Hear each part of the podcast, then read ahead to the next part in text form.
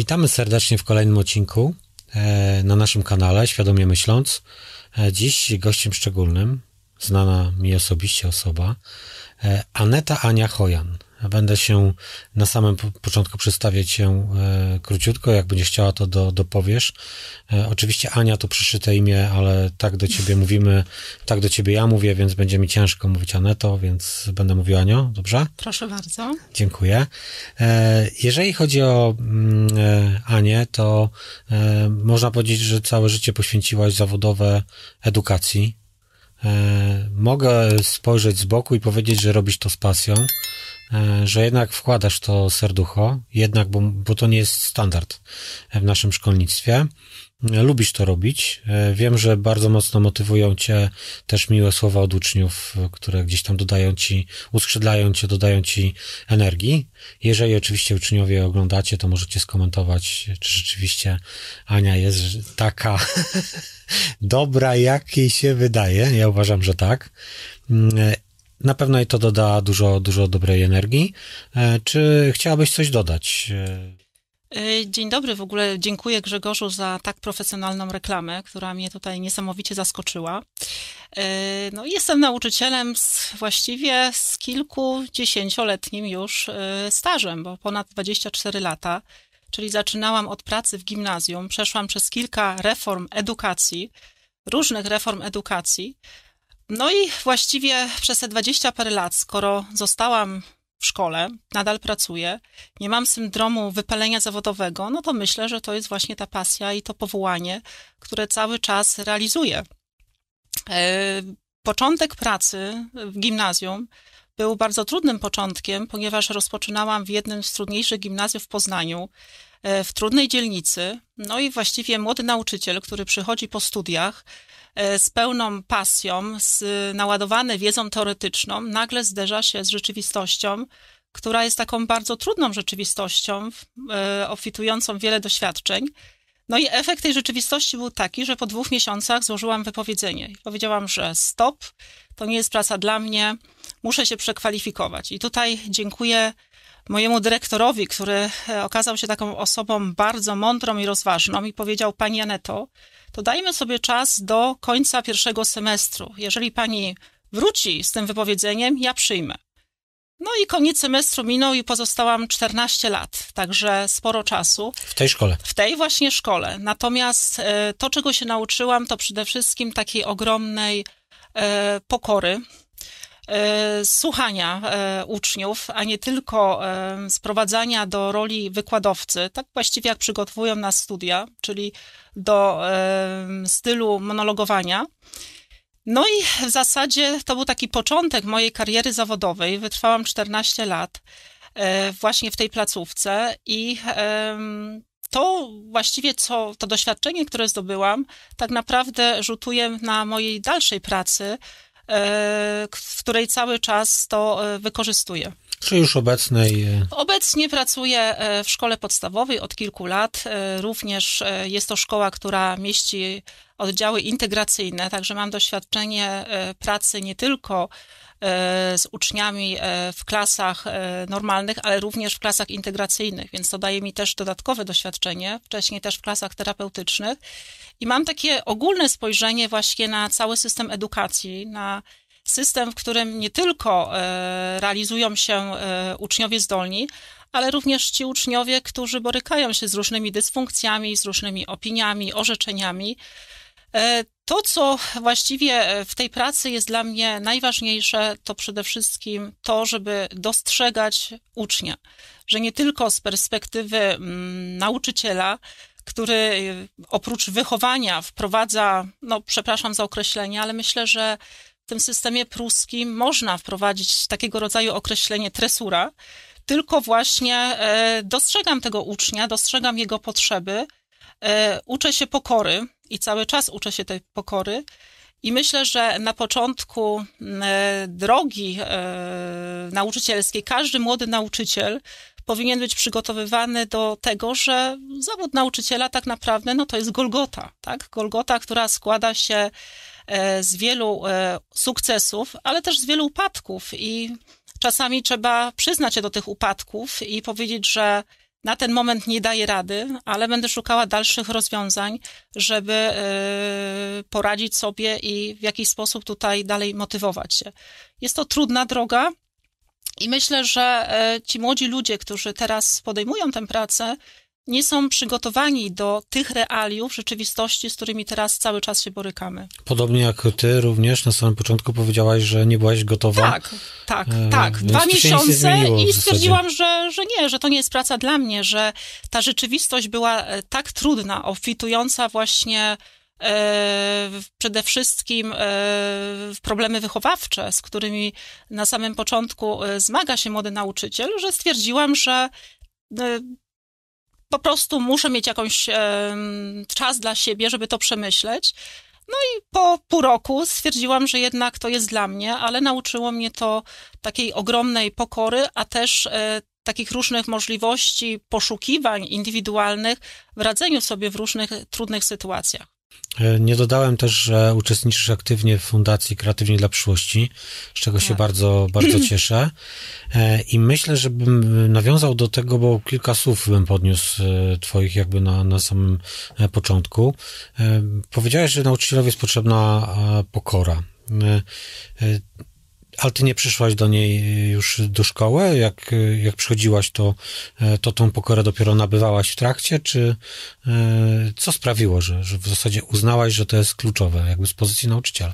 Nauczyciel, który przychodzi po studiach, e, ma tak naprawdę ogromny zasób teorii, tak? E, która tak naprawdę no, nie ma odzwierciedlenia w zderzeniu z rzeczywistością. I rzeczywistość jest zupełnie inna. Y, może teraz tutaj ta sytuacja się troszeczkę y, na kierunkach zmienia, ale widać, kiedy obserwuję młodych ludzi, którzy przychodzą i próbują, stykają się z tą rzeczywistością, ich to też przerasta. Czyli cały czas mamy tak naprawdę teoretyzowanie, a e, zderzenie z rzeczywistością powoduje, że wszystkiego uczymy się, tak? E, gdybym nie miała w sobie tej pokory, myślę, że mm, nie stałabym się autorytetem dla uczniów, bo nauczyciel, jakiego teraz potrzebują uczniowie w obecnych czasach, to jest nauczyciel, który ich dostrzega, który prowadzi dialog, który rozumie ich bagaż różnych problemów, z którymi się borykają, który ze sobą dźwigają, który w którymś momencie potrafi się zatrzymać, powiedzieć stop, tak? Wiedza, edukacja swoją drogą, ale ten problem wychowawczy, który, z którymi się zmagają, te problemy, z którymi sobie nie radzą y, z obecnym y, światem, to jest właściwie priorytetem. Jeżeli nie będzie tej pokory, tylko cały czas e, nastawienie na, na program, na, na, na program, na realizację e, podstawy programowej, na takiego, takim życiu w, w niesamowitym schemacie, który właśnie obecnie jest w polskiej szkole, to tak naprawdę zaprzepaścimy to, co jest najważniejsze, stracimy dziecko. Bo no wyobraź sobie, że twoja praca polega tylko na Y, stosowaniu różnych rad i uwa uważaniu, że twoje rady są słuszne. I ten młody człowiek stoi przed tobą, kiedy tylko udzielasz mu słusznych rad, to to jaką on postawę przyjmie? On jest wystraszony, przylękniony, nie wejdzie w dialog, nie podejmie żadnej relacji. Nie zaufa. No bo nie zaufa, przede wszystkim właśnie nie zaufa, nie będzie bo, tego dialogu, no bo dialog y, opiera się nie tylko na e, mówieniu, ale przede wszystkim na słuchaniu i ten młody człowiek wycofa się. Także ta pokora, ja czasami też mówię swoim uczniom, słuchajcie, e, ten problem jest dla mnie trudny, muszę poszukać rozwiązań. Na ten moment może nie poradzę sobie z nim, ale dajcie mi czasu. Po jakimś czasie przychodzi odpowiedź, ale wiem, że uczniowie mają do mnie zaufanie, że prędzej czy później wrócimy do tego problemu i postaramy się wspólnie rozwiązać. Ten pruski model nas tak kształci, e, że w zasadzie nauczyciel to musi być alfą omegą i on musi tak. znać odpowiedzi na, na każde pytanie. My się nawet często obawiamy, prawda? E, jako nauczyciele, tak. z pozycji nauczycieli, tak. powiedzieć, że my czegoś możemy nie wiedzieć. Tak, tak, to jest prawda, a poza tym no, ten y, w tej chwili zawód nauczyciela bardzo ewoluuje, czyli nauczyciel musi być już nie tylko tym wykładowcą, ale przede wszystkim mediatorem, musi być e, terapeutą, rozwiązywać różne e, problemy, więc e, tak naprawdę tego zawodu uczymy się cały czas. To taki jeszcze, myślę, wspólny wspólna część, odeślamy w linku w opisie. Miałem wywiad z księdzem Radkiem, on to samo mówi, tak, co ty. Mhm. Właśnie mówi o tym, że ten uczeń potrzebuje wysłuchania.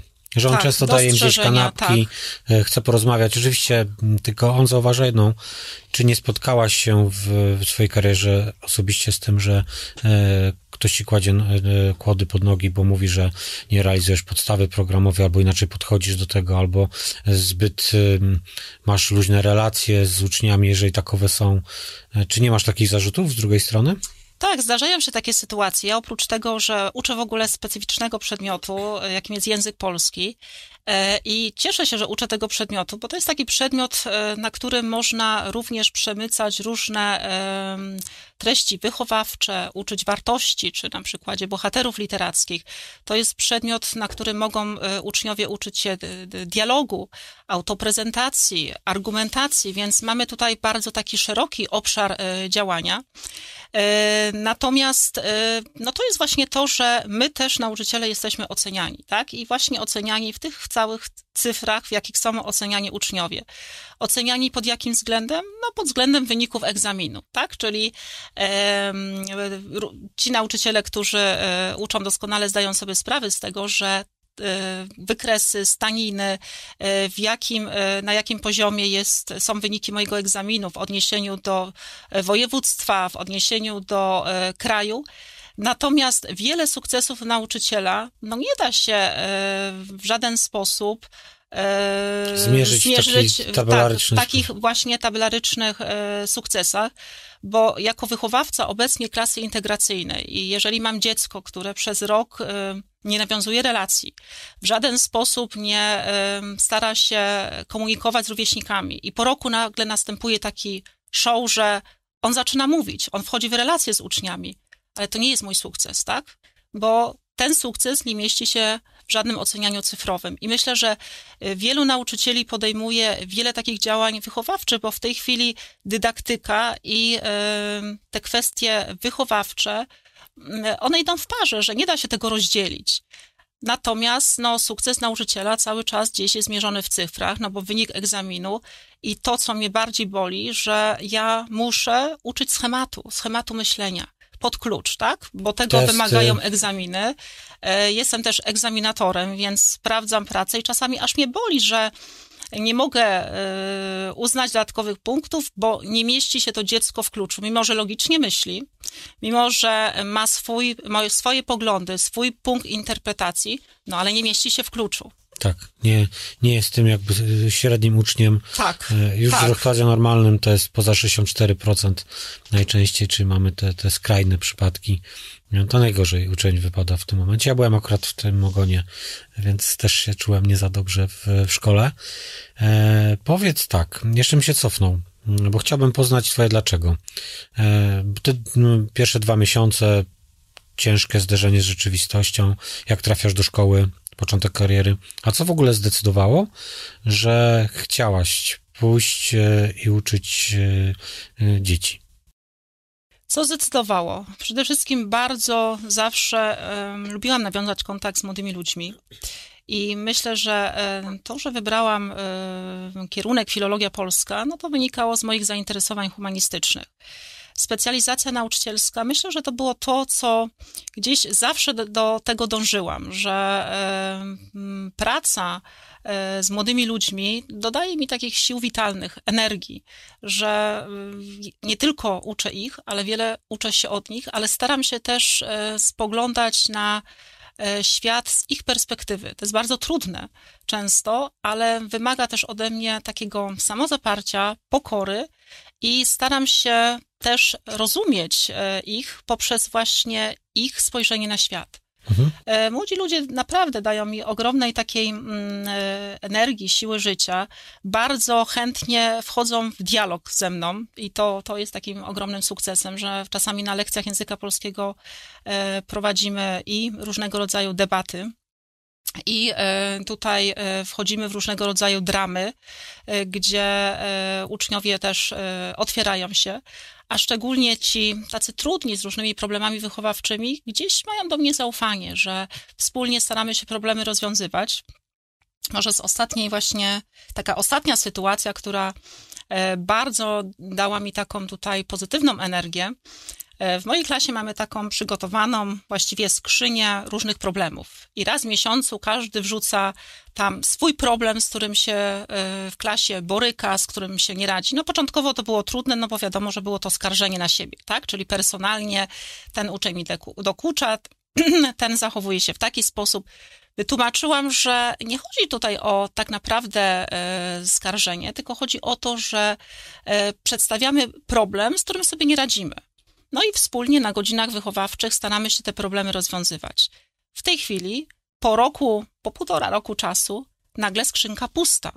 To znaczy, że gdzieś tymi problemami zaczynają też powoli radzić sobie sami, bo to było takie ogólne założenie, że najpierw e, starają się sami rozwiązywać, ze sobą rozmawiać. Jeżeli to nie przyniesie efektu, no to wtedy wrzucamy do skrzynki, zapisujemy ten problem i rozwiązujemy wspólnie na forum klasy skrzynka pusta. To znaczy, że e, gdzieś tutaj nauczyli się przynajmniej na e, tym poziomie e, ze sobą rozmawiać, nawiązywać relacje, bo to jest bardzo trudne, tym bardziej, że powoli też wkraczają w okres dojrzewania, więc te problemy będą się tutaj nawarstwiały, ale też staram się uczyć ich takiej samodzielności, bo to jest bardzo ważne i widać, że no to jest właśnie rola rodziców, którzy cały czas aureolą otaczają swoje dzieci. Taki ogromny kontroling e, ze strony rodziców, który powoduje, że no, przygotowujemy do funkcjonowania w społeczeństwie, w którym no, większość sobie nie poradzi. Więc jeżeli tutaj e, razem we współpracy z rodzicami nie będziemy nad tym pracować, no to tak naprawdę e, te dzieciaki spotkają się z różnymi problemami natury psychologicznej, gdzie będzie im trudno wejść w rzeczywistość, mhm. która w tej chwili jest oczywiście no, rzeczywistością trudną. Trudno, dobra. To mam dwa obszary, które chciałbym podnieść teraz. E, pierwszy to jest e, właśnie związany z rodzicami. Skoro już jesteśmy, to zostańmy przy nich. Jakie dobre rady byś dała rodzicom właśnie czego powinni unikać, albo inaczej, co powinni wzmacniać? To zależy, jak wolisz. Przede wszystkim rodzice powinni nam zaufać, bo jeżeli nie będzie tego zaufania, tylko właściwie mm, ciągła walka, to będzie to działało z niekorzyścią przede wszystkim dla dzieci, bo e, w swojej kilkudziesięcioletniej pracy zaobserwowałam kilka takich właściwie typów rodziców. To jest ten rodzic dominujący, który będzie cały czas stawiał taką wysoką poprzeczkę swojemu dziecku, że ty musisz być nastawiony na sukces, musisz mieć wysokie wyniki, musisz dostać się do dobrej szkoły. E, no i z tym rodzicem ta komunikacja jest trudna, ale e, z drugiej strony tutaj. E, ale wie, jest, czego chce. Wie, czego chce, ale czy dziecko wie, Właśnie. czego chce, prawda? Bo dziecko często mówi, proszę pani, no ja muszę mieć tą ocenę dobrą, bo y, ja muszę iść do dobrej szkoły. Ja mówię, ale co to znaczy dobra szkoła? No taką wybrał mi rodzic. Ja mówię, ale czy ty tego chcesz? Chcesz iść na ten biolchem? No proszę pani, no nie, no ale rodzice są lekarzami, więc ja muszę iść na ten biolchem. I to jest tutaj taka trudna współpraca i myślę, że mm, największy problem właśnie takiej natury psychologicznej mm. jest y, w grupie tych dzieci, którzy właśnie y, mają taki punkt widzenia ze strony swoich rodziców, że jest cały czas ten nacisk i oni faktycznie nie dają rady i dochodzi do takiego momentu wypalenia.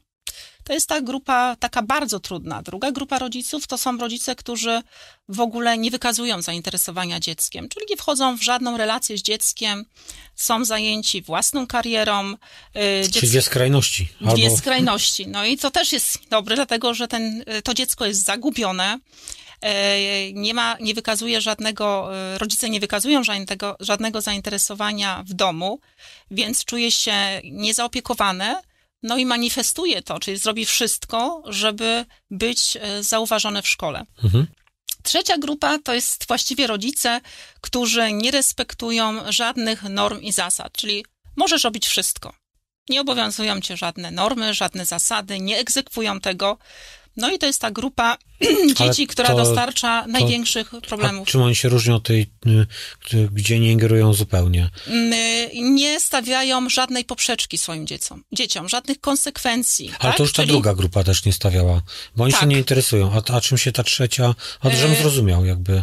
Y, Druga grupa y, polega na tym, że rodzice nie wchodzą w ogóle w żadne relacje z dzieckiem. Rozumiem. Czyli nie ma żadnego tutaj wspierania. Mhm. A tu jest relacja, A ale... tutaj relacja jest, ale zawsze po stronie dziecka, że dziecko ma rację, natomiast y, nie wyciąganie żadnych konsekwencji Czyli w stosunku. e, Taki, tak, takie właśnie postawy narcystyczne. No a czwarta grupa, no to już jest ta grupa idealna, prawda? Czyli ten rodzic konsekwentny, ale kochający, który ma relację z dzieckiem, który wymaga, ale daje dziecku wsparcie. Tych dzieci oczywiście tak, takiej grupy dzieci jest e, niewiele, no ale to są te dzieci, które właśnie mają szansę e, odniesienia sukcesu.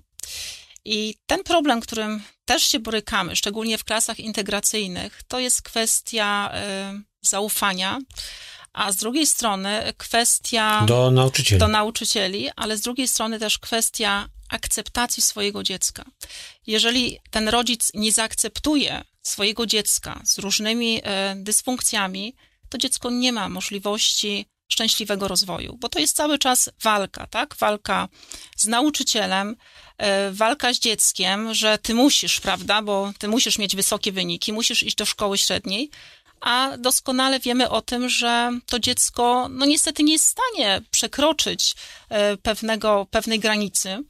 E, I, no i to jest taka właściwie odwieczna walka, w której niestety, ale ofiarą tej walki jest to dziecko.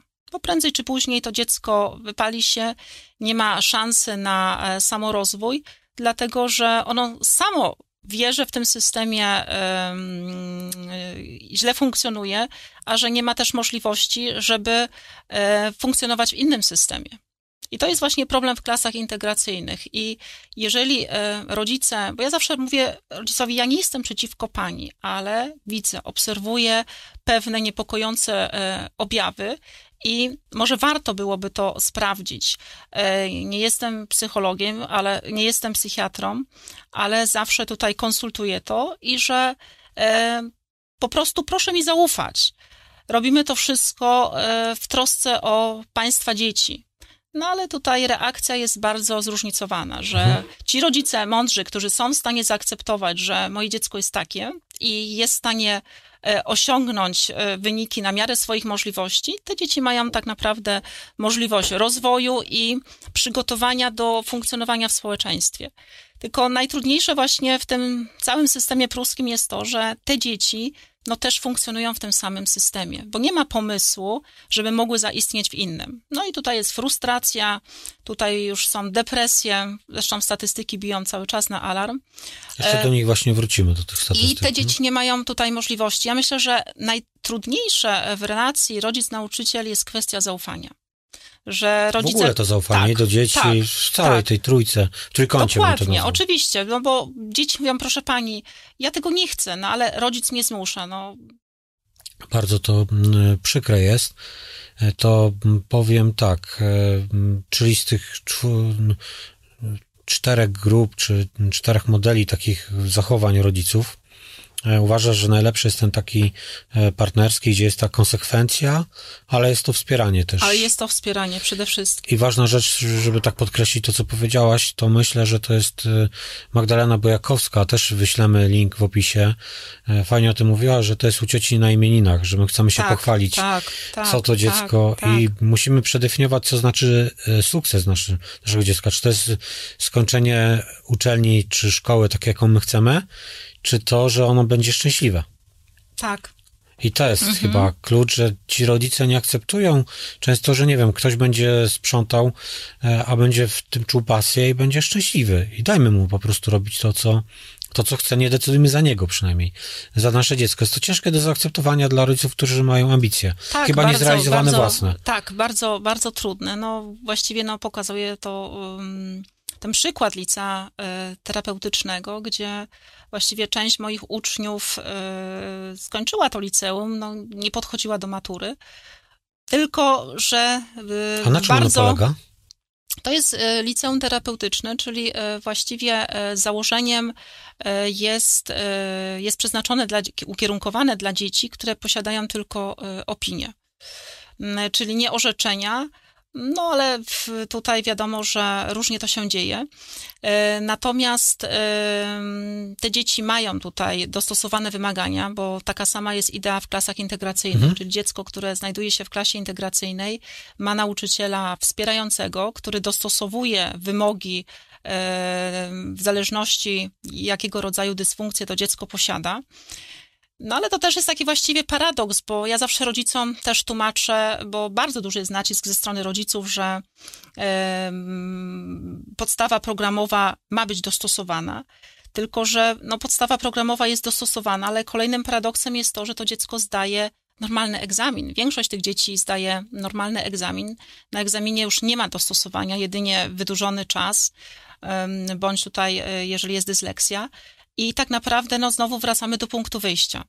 Natomiast ja zawsze rodzicom powtarzam, że, no, proszę Państwa, ale czy dostosujemy całe życie do nich? No, nie jesteśmy w stanie dostosować całego życia i powoli jeszcze trzeba. praca będzie musiała Jeszcze być. praca, puszczać ich na głęboką wodę, no bo później pojawiają się różnego rodzaju frustracje, depresje, no bo pracodawca wymaga, prawda?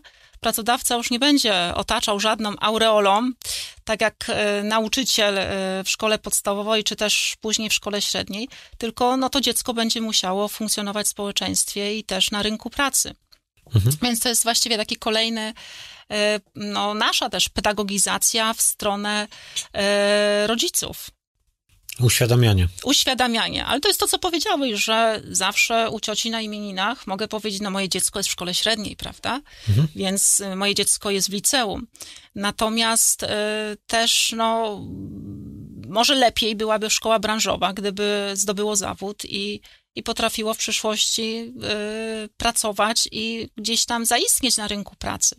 No to dobrze, tak podsumowując, taki apel wielki do hmm. rodziców, kochani rodzice, Przede wszystkim tak, akceptujcie e, swoje dzieci, bo w tej chwili e, dzieci z różnymi dysfunkcjami jest coraz więcej i będzie coraz więcej. No, na to też wpływ ma wiele różnych czynników.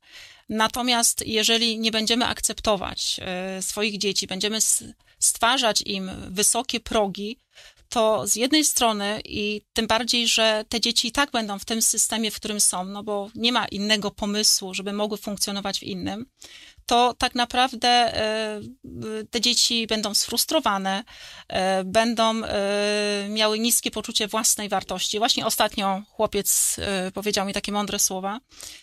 Proszę pani, ja nie akceptuję siebie, nienawidzę siebie. Ja mówię, ale dlaczego?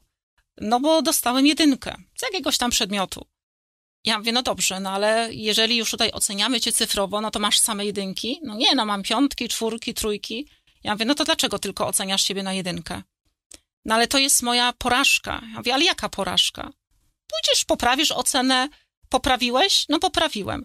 Ale to jest właśnie takie mm, bardzo przejmujące, że właśnie te cyfry powodują, że takie szufladkowanie, że jeżeli tutaj nauczyciel nie szufladkuje, to właśnie uczniowie sami siebie szufladkują, że a proszę pani, bo ja jestem taki trójkowy, a, jest, a ja jestem piątkowy. Co to znaczy, że jesteś piątkowy? To znaczy, że jesteś wszechstronnie wykształcony, że interesujesz się wszystkim, co żyje, co cię otacza?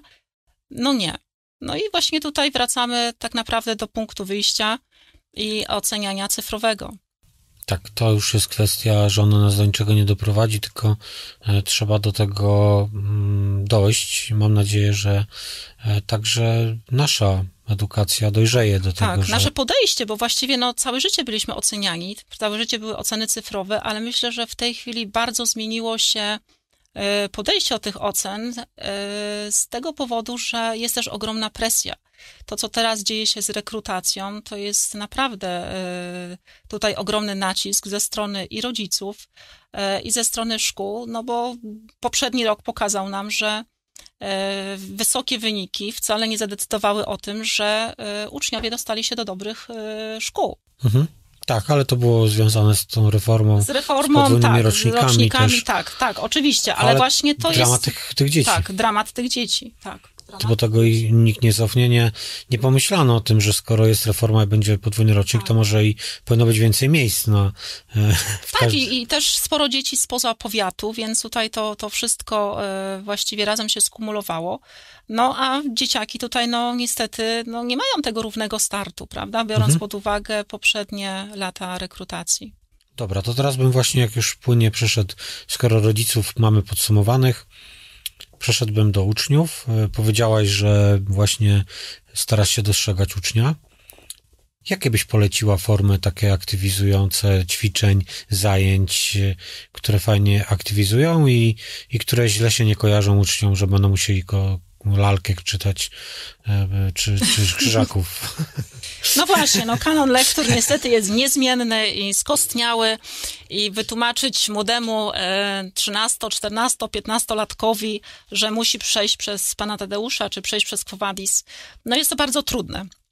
Natomiast e, te metody, które właściwie dostrzegam i które się sprawdzają, to są przede wszystkim wyjście spoza właśnie ram schematu, e, czyli różnego rodzaju e, wprowadzanie dram na lekcji, czyli uczniowie wchodzą w rolę różnych postaci, bohaterów literackich, różne metody waloryzujące, kiedy mogą i ekspresyjne, i impresyjne, gdzie mogą w różny sposób wyrażać swoje emocje, różnego rodzaju argumentacje, implementację, drzewka decyzyjne, gdzie podejmują decyzje, ale też uczą się e, konsekwencji tych decyzji, skutków tych decyzji, czyli właściwie mm, przekładanie e, klasyki lektur na obecne czasy.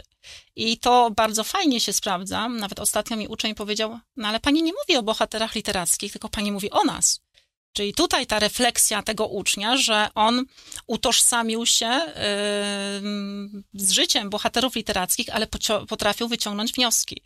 Natomiast y, to, co mm, bawi uczniów, że często ta lekcja powinna mieć taką formę dramy, że oni pewne rzeczy piszą, nawet nie wiedzą, że piszą i chcą pisać, bo gdybym ja powiedziała, słuchajcie, to teraz napiszecie wypracowanie, no to już widzę, jak część leży na ławkach, ale musimy to robić. A czasami tak próbuję ich podejść, że no słuchajcie, no jak ten bohater czuł się, no źle się czuł no to napiszcie, jaki byście udzielili mu rady, żeby go pocieszyć. I oni piszą, i czasami rozpisują się, czy na przykład dalsze losy tych bohaterów. W jaki sposób byście, jakie jest wasze wyobrażenie? Przenieście to w dzisiejsze czasy. Ten bohater pojawia się w dzisiejszych czasach. Czego mu, w jaki sposób tutaj, jakich rad mu udzielicie? E, w jaki sposób nawiążecie z nim relacje? Czyli cały czas przenoszenie klasyki e, w czasy współczesne, w czasy realne, ale z drugiej strony też e, duży nacisk na argumentację, na wnioskowanie, na praca w grupach. No i właśnie ta praca w grupach jest też taką gehenną, no bo jaką pracę w grupach tutaj? Kwestia doboru tak? Bo Właśnie. jeżeli uczniowie mieliby dobierać się sami, no to wiadomo, że grupa dzieci najlepszych wybiera się razem, najsłabsi zostają. Jeżeli e, ja stosuję taką metodę losowania, czyli właściwie każda praca w grupach, e, na każdej lekcji losują i tłumaczę, że e, w życiu będziecie spotykać różne osoby i będziecie musieli nauczyć się relacji i komunikacji z różnymi osobami. Więc tutaj też macie różne charaktery, różne osobowości. Musicie ze sobą nauczyć się pracować i rozmawiać. No i to zaczyna powoli, powoli e, sprawdzać się, no bo ci, którzy są słabsi, e, są motywowani przez liderów grupy, bo to lider grupy ocenia. No i tutaj też taki właśnie e, paradoks z ostatnich takich moich doświadczeń, że powiedziałam, ja nie będę oceniała pracy grupy, jest lider, lider sumiennie tę pracę grupy oceni, ma wyznaczone kryteria i to on dokona doceny, oceny. No i oczywiście tutaj już ingerencja rodziców. Albo moje dziecko zostało źle ocenione, albo już zrobiło więcej. Ja mówię, ale ja nie podważę decyzji lidera. Był lider grupy. Proszę Państwa, no musicie zaufać. No i to było jednorazowe. Teraz już tutaj e, rodzice zaakceptowali. Natomiast motywuje to tych uczniów słabszych, że oni przez lidera grupy, bo wiadomo, że liderem grupy no zawsze musi być to mocna osobowość, która jest w stanie, a są takie e, osoby, które są w stanie pobudzić do pracy wszystkich, zmotywować. No i ci najsłabsi zaczynają pracować, bo źle się czują z tym, prawda? Że gdzieś odstają i ich praca mogłaby być e, nisko oceniona. Natomiast to, co ostatnio bardzo nam się tutaj sprawdza, staraliśmy się troszeczkę wyjść tak, poza takie e, ramy szkolne i stworzyliśmy szkolny budżet obywatelski, czyli e, prowadziłam projekt Działamy w Metropolii Poznań. I uczniowie e, nauczyli się przygotowywać projekty, e, składać te projekty, to co chcieliby, żeby zostało e, zakupione dla ich szkoły, czyli to, co mogłoby służyć całej społeczności szkolnej za określoną kwotę.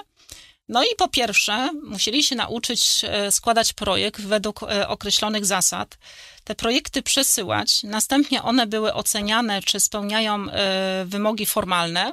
Mhm. Reklama swojego projektu. Ale no przez i, jakąś komisję waszą taką? Y, to znaczy komisja, jeżeli chodzi o formalne sprawdzenie projektów, składała się z nauczycieli. Natomiast y, to uczniowie wybierali, mm, jak gdyby ustalali zasady, czy nauczyciele też będą brali udział w głosowaniu, czy nauczyciele będą mogli składać projekty. I myślę, że rozsądna decyzja, że nie, że tę grupę nauczycieli tutaj wyrzucamy. Natomiast oni sami chcą decydować. No, po prostu genialnie, tak? Było mnóstwo projektów, odbyło się głosowanie z urną, komisja, która liczyła głosy, no i zwycięski e, projekt został zrealizowany. No i stworzyli sobie szkołę, właściwie taką strefę relaksu, czyli pufy, gry, piłkarzyki, z których właściwie cały czas korzystają. Ale z drugiej strony e, też nauczyli się takiego mm, funkcjonowania. Przedsiębiorczości. Przedsiębiorczości, tak. Przedsiębiorczości. Mhm. I to bardzo się sprawdza, a drugim elementem tego projektu właśnie była debata oksfordzka, to robiliśmy w zeszłym roku, czy lepiej kupować um, prezenty na święta przez internet czy w sklepach stacjonarnych. Grupa e, osób, która e, prezentowała argumenty, kontrargumenty, też po prostu, e, czyli takie innowacyjne metody niesamowicie pobudzają kreatywność uczniów nie chciałem takiej dużej dawki negatywnych emocji, więc fajnie, że powiedziałaś o tych takich pozytywnych aspektach tej pracy właśnie w obecnej szkole, bo chciałbym przejść do tych negatywnych. Masz też szkołę integracyjną, więc mm -hmm. masz swoje doświadczenia. Zapewne poza tym, że wiele uczniów cię napędza i daje ci, dodaje ci energii, to są też tacy, którzy ci ją odbierają. Tak. E, bo tak. to jest, bo to są dwie, dwie strony. E, ja natomiast chciałbym e, się chwilę zatrzymać przy statystykach. To są za 2021. Nie mamy z GUS-u, on jest w trakcie opracowania tych e, danych. Prześlę nam, mamy, z, mamy dane z policji. E, no i tam pierwsza liczba może nie szokować, bo e, około 1500 prób samobójczych zanotowanych przez policję.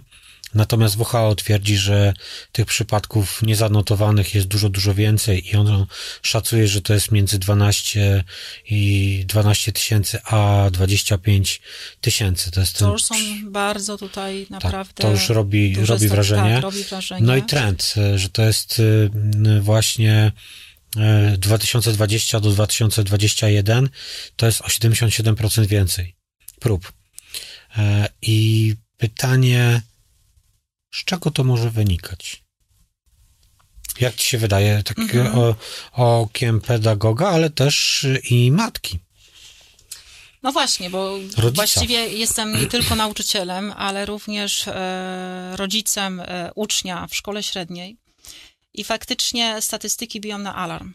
I często jest tak, że czy rozmowa z nauczycielem może ratować dziecku życie?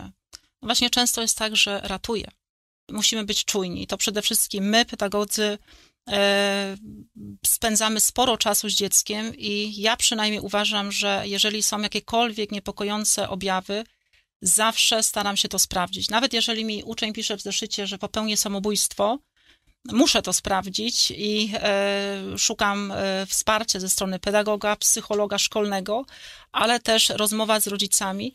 Natomiast e, to, co powiedziałeś, faktycznie w szkołach podstawowych, chyba nie wiem, czy są klasy, gdzie dzieci nie chodzą na terapię, nie przyjmują leków psychotropowych. Teraz ten okres listopadowy, czyli te depresje bardzo się pogłębiają. Co jest przyczyną? Myślę, że wiele czynników, bo e, tutaj w mediach pojawiają się informacje, że pandemia. A co by było, gdyby ta pandemia się nie pojawiła? Nie byłoby tego problemu? Ja myślę, że nie możemy wszystkiego zrzucać na pandemię, ponieważ pandemia na pewno wyostrzyła to.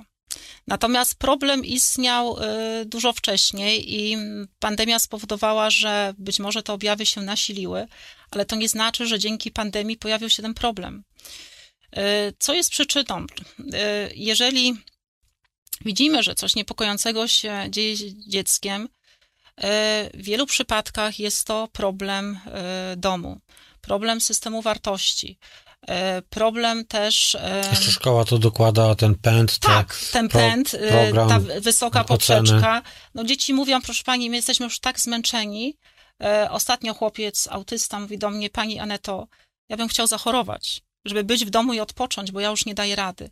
Także to są bardzo poważne sygnały, że dzieci nie dają rady. Natomiast w szkołach średnich, jako rodzic, mogę powiedzieć z pełną odpowiedzialnością, bo jestem rodzicem takim świadomym, że im bardziej prestiżowe liceum, myślę, że ten problem ze stresem e, coraz bardziej się e, pogłębia, jest większy. Bardzo tak. wiele dzieci w szkołach średnich jest na terapiach, jest na lekach psychotropowych lądują w różnych tutaj e, zakładach psychiatrycznych, to są e, właściwie informacje, które posiadam z takiego najbliższego kręgu znajomych, swoich absolwentów, że jest to w tej chwili no, problem cywilizacyjny młodych ludzi. Zatrzymałbym się, bo mm, jedna z osób, która e, kończyła dobre liceum, E, mówi, jakie tam są metody. Jeżeli e, nie Tresura. nadążasz, e, to tak,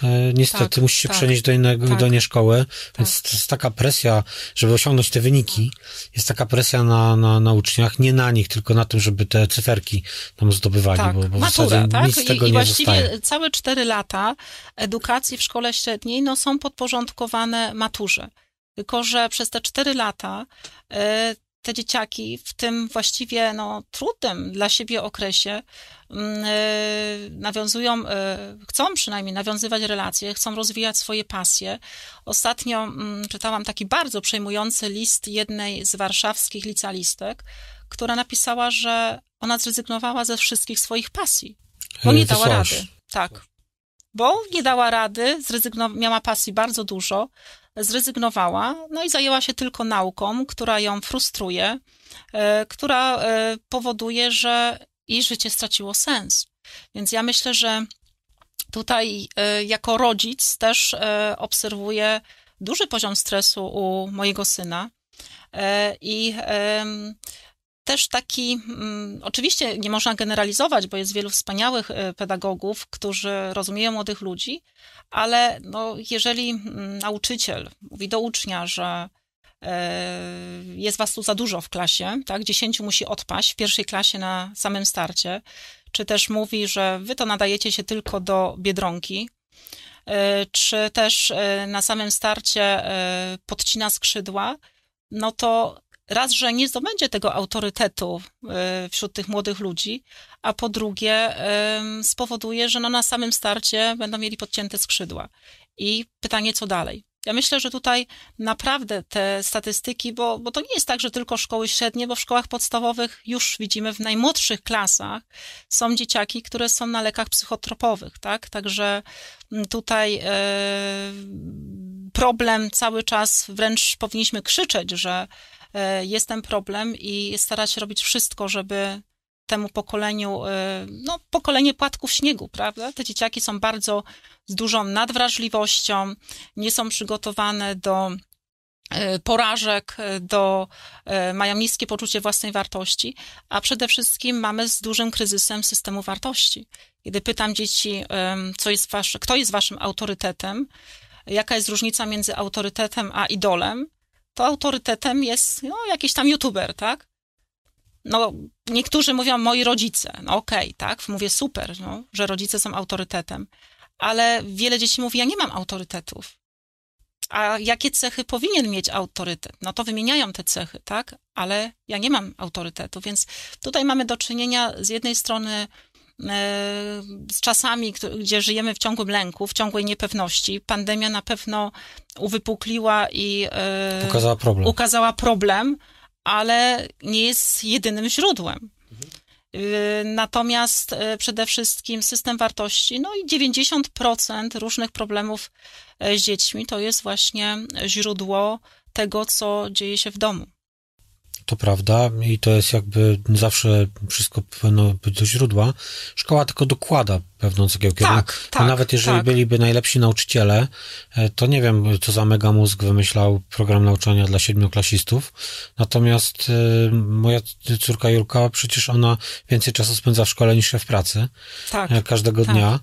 Więc to jest dramat, bo takie dziecko nie wiem, jak ono może utrzymać koncentrację, w jaki sposób jest przeciążone. Niby, że nie ma zadawalnych zajęć domowych, ale ciągłe kartkówki, tak, oczywiście, bo zadania domowe w tej chwili zostały zamienione na kartkówki, na sprawdziany, na różnego rodzaju mm, dodatkowe e, formy, które tylko sprowadzają się do e, weryfikacji e, wiedzy. I teraz ona wraca po 8 godzinach do domu i tak naprawdę następne godziny spędza tylko i wyłącznie przygotowując się na kolejne zajęcia, a gdzie czas na pasję? I właśnie to mnie przeraża, że mm, mam, uczę w klasie sportowej i ci sportowcy, którzy mają naprawdę duże osiągnięcia, trenują w kadrze Lecha i mówią, proszę pani, ale to koniec, bo w szkole średniej my już nie damy rady. Pytanie, czy o to chodzi? Czy tak, czy nie o tą ich pasję. E, tak, żeby może jakimś pozytywnym akcentem skończyć e, ten wywiad, za który bardzo e, dziękuję, żeby właśnie pokazaliśmy to od strony rodziców, pokazaliśmy też od strony pedagogów, pokazaliśmy smutne statystyki, nie po to, żeby się jakby nad nimi skupiać, tylko po to, żeby szukać rozwiązań. Żeby szukać rozwiązań. Znaczy, proszę Państwa, ja jako nauczyciel i jako rodzic myślę, że prawdziwa wiedza człowieka zawiera się w jego uczuciach, w przekazywaniu uczuć, w zachowaniu e, z rówieśnikami, z innymi ludźmi i w bycie istnienia. Że tak naprawdę mądrość to nie tylko to jest wiedza, ale przede wszystkim umiejętność radzenia sobie z emocjami, uczuciami, zachowaniem i to jest to, czego właściwie teraz potrzebuje świat. I to jest bardzo trudne, bo ja tutaj oprócz tego, że jestem nauczycielem, jestem rodzicem i tego też się uczę i też popełniam często e, błędy z tym nadmiernym kontrolingiem i jestem tego świadoma, ale myślę, że jeżeli bardziej nie skupimy się na tym, żeby wzmacniać nasze dzieci w tych naprawdę trudnych czasach, w tych czasach, bo oni tak naprawdę no, żyją w sieci. I my musimy poprzez tę sieć do nich docierać i starać się spojrzeć na świat e, z ich perspektywy bo my czasami często właściwie patrzymy z naszej perspektywy, a perspektywa dziecka jest zupełnie inna. Ja powiem ze swojej pers perspektywy, co ja wyciągnąłem z, z mojej edukacji to najważniejsze w moim przypadku to były relacje, które nawiązywałem. Tak, ja wiem, tak, to było mnóstwo tak, dyskotek, y, to tak. było mnóstwo imprez, które odbywałem, czyli traktowałem to życie tak jak należy w tym wieku, y, czyli z luzem mm -hmm. odpowiednim, ale to dało mi to, że przestałem się bać życia. E, tak. I to mnie pop tak. popychało dalej do, do przodu. I te, te skupienie na ocenach wcale by mi tego nie dało. I to jest, myślę, że taka refleksja także dla, dla uczniów, żeby i rodziców, żeby też odpuszczali w niektórych tak, przypadkach tak, i nauczycieli. Tak. My wszyscy musimy gdzieś e, zastanowić się, gdzie jest cel. Czy cel jest w cyferkach? E, czy cel jest w tym, żeby odnaleźć tą pasję w dziecku, żeby ją rozwijać, żeby ono było szczęśliwe? Czy chcemy mieć szczęśliwy naród e, jako taki, czy chcemy mieć e, dobre statystyki w ocenach? No i przede wszystkim wychowywać dzieci do świata, który istnieje, a nie, że cały czas Te wartości, mówiłaś. do świata, który już nie istnieje, prawda? No bo system pruski już dawno się skończył. Natomiast system wartości to jest właściwie to podstawa, na której powinniśmy budować no, całą edukację, a przede wszystkim relacje z uczniem. Zabory pruskie się skończyły, natomiast system nadal trwa, to jest ciekawe. Tak, tak, a świat, świat taki już tak naprawdę nie istnieje, prawda? Więc to jest właśnie ten e, paradoks. Wzmacniać nasze dzieci i przede wszystkim, no też nauczyć się w pewnych sytuacjach odpuszczać, że dla nich te relacje rówieśnicze są naprawdę e, ważne, a e, cała edukacja pewnie, że no jest takim pewnym motorem, który cały czas będzie napędzał, ale przede wszystkim nie uczmy tego schematu. Że dzieci muszą wyjść e, poza ten schemat i one bardzo chętnie wychodzą poza ten schemat. Jak przy schemacie jesteś, to tak już żartobliwie na koniec. E, wczoraj właśnie Piotr nam wewnętrznie na grupie wysłał e, zadanie e, na teście. Mikołaj położył się spać o godzinie 20, spał 10 godzin, o której wstał. A odpowiedź dziecka z czterech odpowiedzi nie wybrało żadnej, tylko jakby zadało pytanie. Nie wiem, o której zasnął. I tu, I tu jest właśnie kreatywność dziecka i logiczne myślenie. Ja często też mam wiele takich sytuacji, że brawo za logiczne myślenie, za kreatywność. Natomiast no, dzieci w najmłodszym wieku są bardzo kreatywne. I co się z nimi dzieje? Przychodzą do szkoły, i tracą tę kreatywność, prawda? Nie wiem, jak się zachował nauczyciel, ale bym dał podwójną ilość punktów. Tak, za logiczne e, myślenie za, i za podejście. wiele takich właśnie sytuacji e, ma miejsce i ja myślę, że tutaj e, musimy integrować trochę też blokowo, starać się łączyć te przedmioty, łączyć wiedzę, że nie, że każdy przedmiot jest mój oddzielny i najważniejszy, tylko właśnie spojrzeć tak wszechstronnie, żeby przygotować tego młodego człowieka do e, funkcjonowania w społeczeństwie, ale przede wszystkim w umiejętności radzenia sobie z emocjami, relacji z innymi ludźmi i to w tej chwili właściwie tak naprawdę e, przynosi sukces. I tego sobie życzmy. Dziękuję Ci. Życzę sobie i życzę Państwu. Dziękuję bardzo. Wszystkiego dobrego. Cześć. Cześć.